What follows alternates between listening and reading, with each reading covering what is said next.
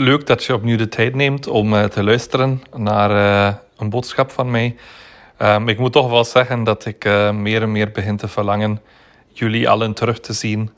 Um, en um, jullie te kunnen omhelzen en in levende leven te kunnen toespreken. In plaats van op die manier, maar oké, zolang we niet mogen en kunnen samenkomen blijven we zoeken uh, naar manieren om elkaar te bemoedigen en blijven we de dingen benutten uh, van die we weten dat we ze kunnen gebruiken. Ik wil vandaag spreken over uh, vreugde en blijdschap. over hemelse vreugde, hemelse blijdschap die de Heer ons wil geven. En de Heer wil echt dat we in die blijdschap en in die vreugde leven. En ik heb door mijn persoonlijk levensverhaal eigenlijk ontdekt Um, hoe groot het contrast is tussen een leven met de vreugde van de Heer en het leven of een leven zonder de vreugde van de Heer. Uh, ik kan echt zeggen dat een gebrek aan vreugde, aan hemelse vreugde en blijdschap uh, een vijand is. Omdat ik opgegroeid ben in een kerk waar, waar blijdschap, vreugde, vieren, genieten, um, positief naar het leven kijken, um, iets was wat we gewoon niet deden. Um, het was grijs, het was oud, het was eigenlijk een stuk deprimerend. Er was een zeer pessimistische kijk op het leven. God was uh, een afstandelijke God voor ons. We zagen negatieve omstandigheden eigenlijk doorgaans als zegen. Um, en lachen en dansen en feestvieren, ja, dat kende ik eigenlijk niet echt. Het zij het een familieverband was waar men eens een huwelijk uh, of iets anders vierde. En um, toen ik dan vervuld werd met de Heilige Geest, gedoopt werd in de Geest met 15, uh, van gemeente ook veranderde. Uh, maar niet zo in de allereerste plaats omwille van de gemeente, maar omwille van mijn relatie met de Heer, het ontdekken van zijn woord. Uh, is er zo een, een, een, vreugde en een blijdschap in mijn leven gekomen die een stuk een motor is geworden uh, voor mijn leven. En dat betekent niet dat ik niet momenten uh, van, um, ellende had. Natuurlijk had ik dat wel. Uh, van, van neerslachtigheid, van angst, van zorgen. Dat ken ik. Ik weet wat dat, dat is. Uh, en ik wil met deze preek ook niet zeggen dat er geen periodes in ons leven zijn waar we wat minder blij zijn. Maar ik geloof wel dat we hoofdzakelijk vreugdevol en blij mogen zijn in ons leven. En dat de Heer wil dat als we op een dag op ons sterfbed terugkijken op ons leven, dat we zien dat vreugde iets was, dat blijdschap iets was, wat er toch ondanks alles altijd aanwezig was en in onze harten borrelde. Um, en daarom geloof ik dat, um, omdat ik het contrast gezien heb tussen een leven zonder vreugde uh, en een leven met de vreugde van de Heer, dat uh, vreugde of een gebrek aan vreugde echt een vijand is. Als je geen vreugde hebt, dan word je een pessimistisch, kritisch uh, mens. Um, dan, dan kijk je naar het leven op een manier uh, die niet goed is. Je wordt ook passief. Want als je geen vreugde hebt, geen blijdschap hebt, als je pessimistisch bent, dan zet je dat ook niet aan om actie te ondernemen. Um, wat je ook doet, is je trekt anderen mee naar beneden. We, we, zien nu hoe, hoe infectieus corona is, hoe je anderen kunt besmetten en zo is dat ook met mensen die, die geen vreugde hebben in hun leven. Ze, zijn besmettelijk, ze trekken anderen mee naar beneden. Wat ik ook weet in, van, van periodes in mijn leven waar vreugde afwezig of, of minder, minder aanwezig was, is dat je een stuk blind wordt voor de goede dingen van het leven. Je wordt ondankbaar, um, je hebt over alles iets negatiefs te zeggen, het is nooit goed genoeg. Um, en je ziet gewoon niet wat je wel allemaal hebt. Um, de wetenschap zegt dat je als je vreugde en blijdschap en een positieve kijk op het leven mist, dat je dan een grotere kans hebt op bepaalde lichamelijke aandoeningen. De kans is ook groter dat je opgeeft. Uh, en in ons geval als christen dat je de Heer loslaat. Um, als je geen vreugde en blijdschap hebt, of weinig ervan, of te weinig, dan kunnen ergernis en bitterheid gemakkelijker in je leven binnenkomen. Kunnen ze zich gemakkelijker in je hart nestelen. En, dat is misschien niet leuk om te horen, maar ik zeg het, ook over mezelf, want ik weet wat het is. Je bent dan ook niet echt aangenaam in de omgang. Um, als ik um, periodes had waar, de, de, vreugde en de blijdschap zoek waren, dan, dan hoorde ik dat van mijn vrouw en van andere mensen. Uh, allee, wat is er, Chris? Um, ja, natuurlijk, omdat dat afstraalt, omdat dat, zoals ik zei, uh, een stuk besmettelijk is. Als vreugde ontbreekt in je leven, um, dan kun je ook moeilijk genieten en hartelijk lachen. Uh, dat is ook zoiets. Um, mensen die, die weinig vreugde in hun leven hebben, die zijn, uh, ja, dat zijn geen, geen levensgenieters. En dat zijn geen mensen die hartelijk lachen. Ik geloof ook, als je vreugde mist, en nog zo'n bewijs waarom een, een gebrek van vreugde echt een vijand is, omdat je een, een, een deel van het plan van God voor je leven mist. En daar ben ik echt van overtuigd. Het is niet Gods plan voor je leven dat je, ondanks alle moeilijkheden, die, die ga ik nooit ontkennen, maar dat, je, dat we rondlopen eh, eh, als, als neerslachtige, gedeprimeerde christenen, die passief zijn, die op alles kritisch zijn, die, die niet kunnen lachen, die, die niet vooruit willen, uh, dan missen we de dingen die God voor ons leven gepland heeft. En we zullen niet echt aanstekelijk zijn voor niet-christenen. Ik ben zeker geen advocaat uh, van een welvaartsevangelie. Altijd alles goed, altijd alles blij, uh, luxe, rijkdom en het kan nooit op. Um, dus dat zeg ik niet. Maar ik geloof wel dat God wil dat het ons goed gaat en dat we mogen aanstekelijk zijn voor anderen en dat we niet ons christenleven naar anderen moeten uitdragen als een zwaar, ondraaglijk, triest iets wat ons helemaal geen vreugde geeft. Het tegendeel zou het geval moeten zijn. Onze redding, onze behoudenis zou juist een reden van grote blijdschap moeten zijn, die we uitdragen naar anderen toe. Meer daarover straks. daarom wil de vijand ons de vreugde roven, omdat hij weet dat al die dingen in ons leven gebeuren als vreugde in ons leven ontbreekt. Hij weet, als we blije christenen zijn, dan worden we optimistisch, positief en ontspannen. Dat is gewoon zo. Als er blijdschap is, als er vreugde is, um, hemelse vreugde. Ik heb het niet over, over blijdschap en vreugde omwille van omstandigheden, want omstandigheden kunnen veranderen en zullen veranderen. Ik heb het over blijdschap en vreugde die van God komt. En dat maakt je optimistisch, dat maakt je positief en dat zorgt voor een zekere ontspannenheid. Je wordt ook actief uh, en je overwint dingen ook gemakkelijker, want er is, er is een motor in jou, er is een kracht in jou. Je bouwt anderen op en tilt hen omhoog. Je bent aanstekelijk, maar dan op de goede manier. Goed besmettelijk. Je besmet anderen met blijdschap. Ze, je bemoedigt hen om anders naar dingen te kijken. Je ziet zelf ook de goede dingen van het leven en je bent er dankbaar voor. Je hebt een grotere kans volgens de wetenschap om bepaalde aandoeningen te vermijden. En de kans is groter dat je volhardt en aan de Heer vasthoudt. Ergernis en bitterheid kunnen zich moeilijker in je hart nestelen en je bent juist aangenamer in de omgang. Dus het omgekeerde van al de negatieve dingen als je wel vreugde hebt. Je kunt gemakkelijker van het leven genieten, kunt hartelijk lachen, je ziet meer van Gods plan in je leven waar worden en je bent aanstekelijk voor niet-christenen. Ik, ik weet dat uh, omdat ik um, een evangelist heb leren kennen vele jaren geleden toen ik nog in Duitsland leefde. Um, en dat was een man vol van vreugde. Die, die man, alleen, ik weet dat dat misschien uitzonderlijk is, maar die man was altijd blij. Altijd blij, opgewekt, vrolijk. Uh, altijd humor en, en, en grap op zijn lippen. Uh, dat was zo aanstekelijk. En, en je, je kon gewoon niet, niet blij worden als je bij hem was. En dat is gewoon super, super aanstekelijk. En ik wil nu een aantal Bijbelversen voorlezen. Ik hou ervan om in de Bijbel te duiken en, en te zien wat zegt het woord. Eens zien wat de Bijbel over vreugde zegt. Het belang van vreugde. Waardoor ook duidelijk wordt dat God wil dat we blije christenen zijn.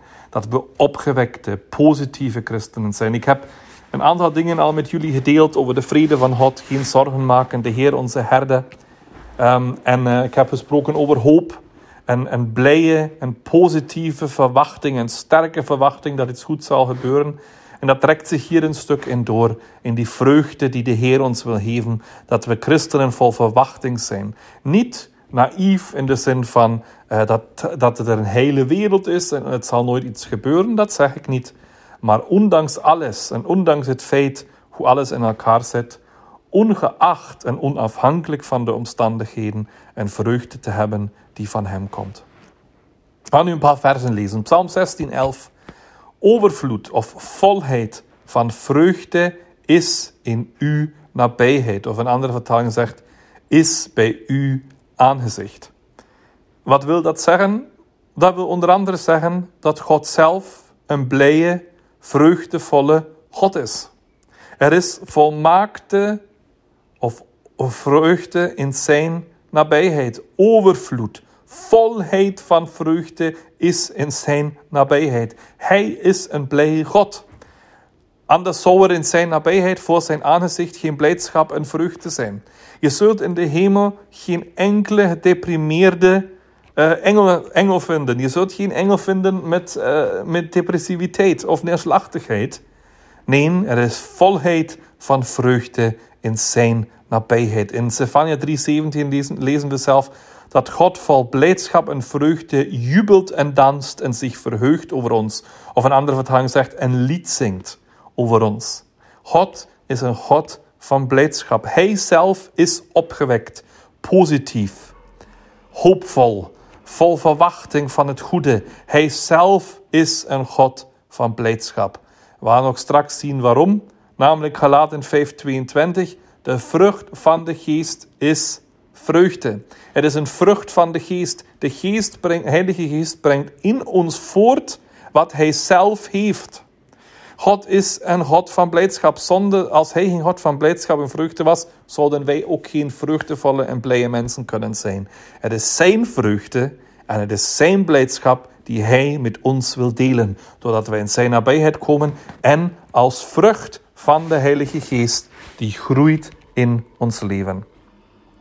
God wil dat we zo worden als Hij, dat we meer op Hem gelijken, dat we mensen zijn vol vreugde en blijdschap. En Zijn geest wil dat in ons bewerken. Een kleine gedachte over vrucht. Een boom die vrucht draagt, die levert geen inspanning, hij groeit gewoon. Er moet voldoende water zijn, zon, eh, de, de, de stoffen, de voedingsstoffen die de boom nodig heeft, die hij via de wortelen kan opnemen. Maar zolang hij dat krijgt, groeit hij en is het een natuurlijk proces van groei dat er vrucht voortkomen. En zo is het ook in ons leven. We moeten vrucht niet als een inspanning of prestatie zien, waar we met alle mannen macht proberen vrucht te hebben. Nee, vrucht groeit. En groei van vrucht komt door intimiteit, door nabijheid, door bij Hem te zijn, door ons met Hem te vullen, door met Hem te leven, dan groeit vrucht vanzelf. Dan is het het werk van de Geest in ons, waardoor vrucht groeit. Dus om vreugde te hebben, moet je geen inspanning brengen, geen prestatie. Het je niet verdienen, maar je moet blijven bij Hem, intiem zijn met Hem, dicht bij Hem zijn dan zul je automatisch meer worden als hem. Zoals we dat ook zien bij mensen die lang met elkaar optrekken, bij getrouwde mensen die 30, 40 jaar getrouwd zijn. Ze nemen dingen van elkaar over. Sommige mensen beginnen zelfs gezichtstrekken over te nemen van elkaar. Waarom? Omdat ze dingen van elkaar overnemen, omdat ze heel dicht bij elkaar zijn over lange tijd. En zo is dat met ons en God ook. Er is volheid van vreugde in zijn nabijheid. En vreugde is een vrucht van de Heilige Geest. Dan Romeinen 14, 17. Het koninkrijk Gods bestaat niet in eten en drinken, maar in rechtvaardigheid, vrede en blijdschap door de Heilige Geest. Met andere woorden, daar waar Jezus als koning heerst, is er blijdschap door zijn Heilige Geest blijdschap door de Heilige Geest. Het koninkrijk van God bestaat in rechtvaardigheid. We zijn gerechtvaardigd door Jezus Christus. Door vrede. We hebben vrede met God nu we gerechtvaardigd zijn. Romeinen 5:1. En blijdschap door de Heilige Geest. Een gemeente moet een plaats zijn van vreugde en lachen. Ik weet het, toen ik vroeger naar een andere gemeente ging, dan hadden wij kritiek op gemeentes waar veel vreugde en blijdschap was. We zagen dat als, als mensen die, die dwaalden, die met, hun, met die hele tijd in de wolken waren. Dat waren mensen die niet goed bezig waren. Um, waarom? Omdat we zelf zo dood waren, stoorde ons dat.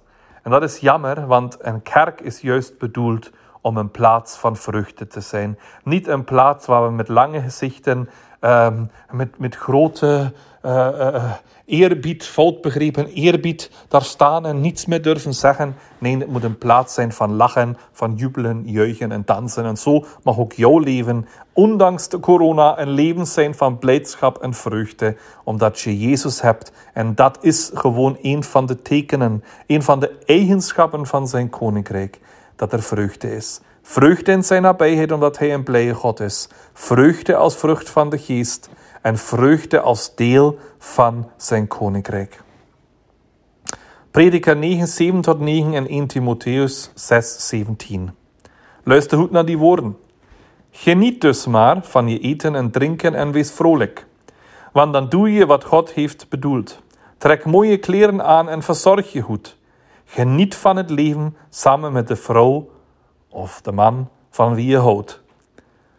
En dan 1 Timotheus 6, 17. Zij moeten vertrouwen op God, die ons alles geeft om ervan te genieten. God wil dat we vrolijk zijn en van hetgeen genieten wat Hij ons gegeven heeft. Zo heeft Hij het bedoeld. Dat lezen we hier. Zo heeft God het bedoeld. Wees vrolijk. Geniet van wat Hij jou gegeven heeft. En God die ons alles geeft om ervan te genieten. Ik heb uh, onlangs erover geschreven dat we um, meer van genot kunnen houden dan van God, dan is het een probleem. Daar, moet, daar moeten we mee opletten. God is, zoals ik schreef, uiteraard geen genie uit een olielamp. Uh, die al onze wensen moet vervullen, anders volgen we hem niet. Dat is uiteraard waar. Maar als we eerst God volgen en niet in de allereerste plaats ons genot, dan zegt God en dan wil God zelfs, want zo heeft Hij het bedoeld, staat geschreven, dat we vrolijk zijn en dat we genieten van het leven. Dat is hoe God wil dat we zijn. En niet neerslachtig, gedeprimeerd en, en vroom op een foute manier. Dat dat dan lijkt op een, op een foute nederigheid waar we menen we mogen niets hebben en van niets genieten. Nehemia 8, 10 tot 11. De blijdschap des Heren, die is uw sterkte. Of een andere eh, vertaling zegt, put kracht uit de vreugde die de Heer u geeft. Dit, deze woorden zeggen mij: vreugde en blijdschap maken ons sterk.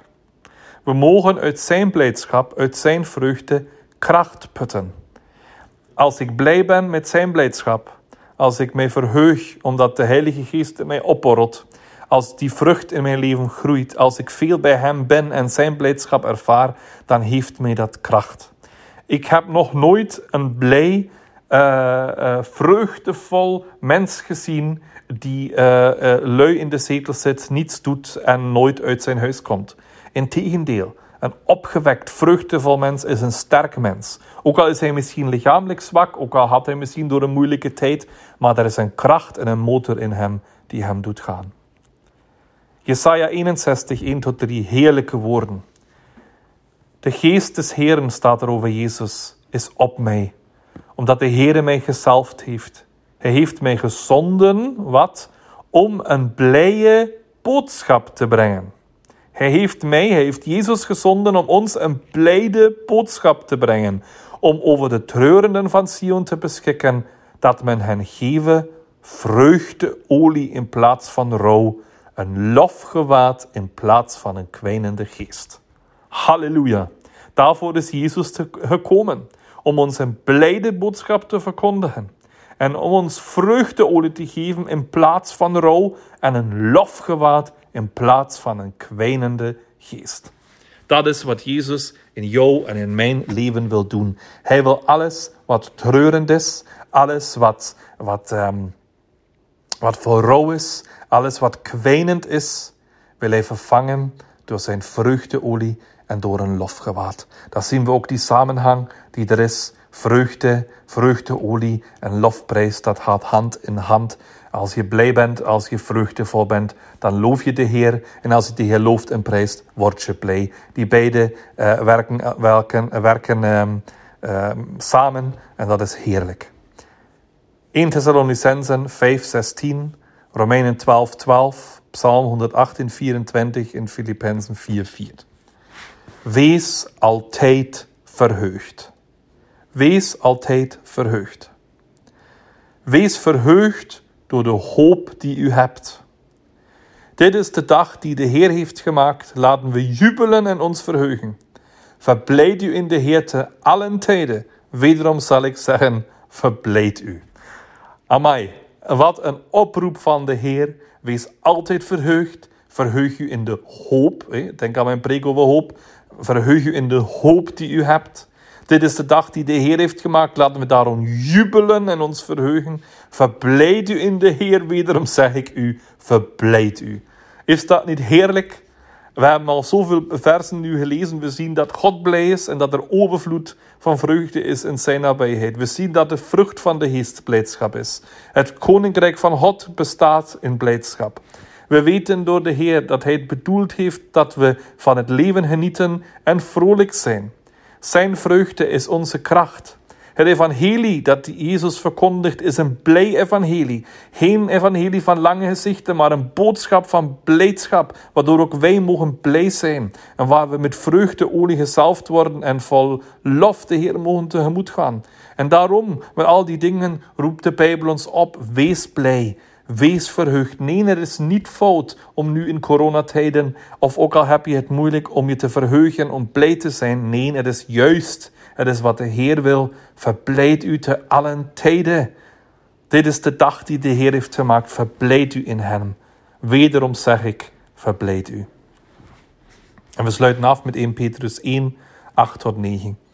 En ik moet zeggen, ik word er zelf blij van. Ik zou kan jubelen en juichen. Het borrelt in mij. 1 Petrus 1, 8 tot 9. U, hebt hem lief zonder hem ooit gezien te hebben. Uiteraard, we hebben hem nooit gezien.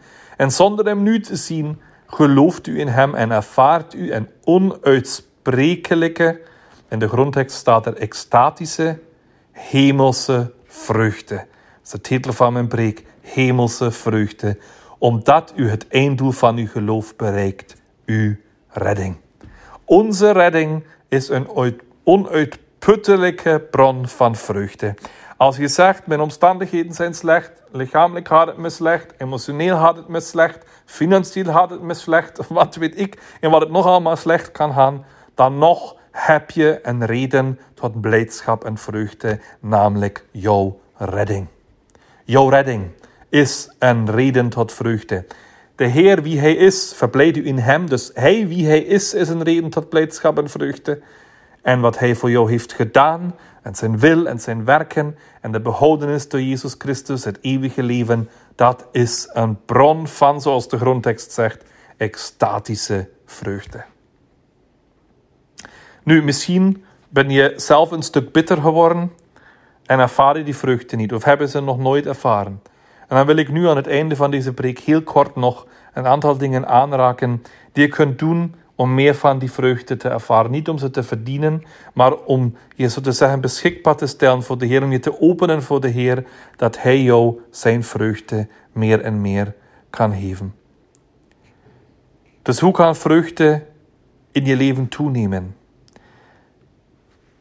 Je brengt ten eerste breng tijd met God door en lees zijn woord. Het is maar logisch als er volheid is van vreugde in zijn aangezicht dan moet je voor zijn aangezicht komen om die vreugde te hebben. Dan moet je in zijn nabijheid komen om die vreugde te ervaren. En dan moet je zijn woord lezen, omdat het woord is een zaad en die zaad bewerkt in jou wat God wil, met name blijdschap. Die vreugde zal wortel schieten in je leven en dat zal je innerlijk blij maken. En het zal je tonen dat je blij mag zijn. En vreugde die losstaat van je omstandigheden. Dus breng tijd met Hem door en lees Zijn woord. Ten tweede, leef met de Heilige Geest en laat je dagelijks vullen door Hem. Paulus zegt, wees vervuld met de Geest door liederen, psalmen en lofgezang. Ik heb het net al gezegd, eh, die, die, die werken samen. Lofprijs en vreugde, dat gaat hand in hand. En, en de tegenwoordigheid van de Heilige Geest gaat daar ook mee hand in hand. Als we de Heer lofliederen zingen en, en, en Hem loven en prijzen, dan komt Zijn geest, want Hij woont in de lofprijs van Zijn volk. En dan zal vreugde borrelen in je leven. Nodig de Heilige Geest uit dat vreugde als vrucht kan groeien en dat die blijdschap van het koninkrijk van God door de Heilige Geest, in de Heilige Geest, zoals de Bijbel zegt, in je leven zal toenemen. En daar gaat het niet om, oh, ik moet me nu inspannen om dat te doen. Nee, nodig hem gewoon uit, zoals ik op mijn bed lag en zei, Heilige Geest, als dat voor mij is, ik wil die doop nu hebben. Of Vader, ik wil die doop in de Heilige Geest nu hebben. En ik kreeg ze en sinds die dag is die vreugde daar in mijn leven. Ook al is ze soms bedolven geraakt, maar ze is nooit verdwenen. Ten derde, dank God elke dag en verblijd je in Hem. Weet danken maakt dankbaar, verheugen maakt blij. Dat is als medicijn. Je neemt dat in, je doet dat en het maakt jou blij. In Psalm 118, 24 staat laten we jubelen en ons verheugen. Dus met andere woorden, zelfs al voel ik mij niet, dan word ik opgeroepen, doe het desondanks. En ik wil je daartoe bemoedigen, doe dat een keer een paar dagen. Neem een tijd waar je jubelt, waar je juicht, waar je de Heer looft, waar je Hem dankt. En je zult zien dat je blijer zult worden. Ten vierde, vang de vossen die je vreugde stelen. Misschien houd je aan dingen vast van die je weet, dat steelt mijn vreugde, ik moet daarmee stoppen. Dan breng dat nu in het licht bij de Heer als je dat niet alleen kunt, deel het met een ander christen. Um, misschien houd je vast aan relaties uh, van, of heb je omgang met mensen van die je weet, die, die roven mij mijn vreugde. Dan breng dat bij de Heer. Misschien wil de Heer jou zeggen dat je die omgang met die mensen moet een stuk verminderen of zelfs helemaal beëindigen. Misschien weet je dat je iemand moet vergeven, maar je vertikt het om het te doen. Dat zal gegarandeerd vreugde leven, uh, roven in je leven. Want door niet te vergeven bind je niet de ander, maar bind je jezelf. En vergiftig je je eigenlijk zelf. Dus stop dat gif te drinken en vergeef. Ten vijfde, op één laatste, breng je pijn en verdriet in het licht. Er kunnen verwondingen in ons leven zijn die, die ons beschadigd hebben. En dan is het goed om dat aan het licht te brengen. Het is goed om ook bitterheid te beleiden en daarmee af te rekenen. Doe dat om heling te ervaren en om af te rekenen met elke bittere wortel in je hart. En ten zesde en ten laatste, mediteer over je redding en proclameer wat je redding inhoudt. En Petrus sprak over die extreme vreugde van onze redding. Uh, dus moet je ontdekken wat je redding inhoudt. Moet je daarover mediteren en mag je proclameren wat Jezus voor je gedaan heeft. En dit zal je ongetwijfeld blij maken. Ik kan over die dingen niet mediteren en dat proclameren zonder blij te worden. Ik wil afsluiten met Spreuken 17:22. Een vrolijk hart bevordert een goede gezondheid. Een sombere geest verzwakt het lichaam. Een vrolijk hart bevordert een goede gezondheid. Blijdschap, hemelse vreugde zorgt voor geestelijk welzijn, emotioneel welzijn, maar ook lichamelijk welzijn. Het bevordert een gezonde, goede gezondheid. Kies dus vandaag om een blij christen te zijn.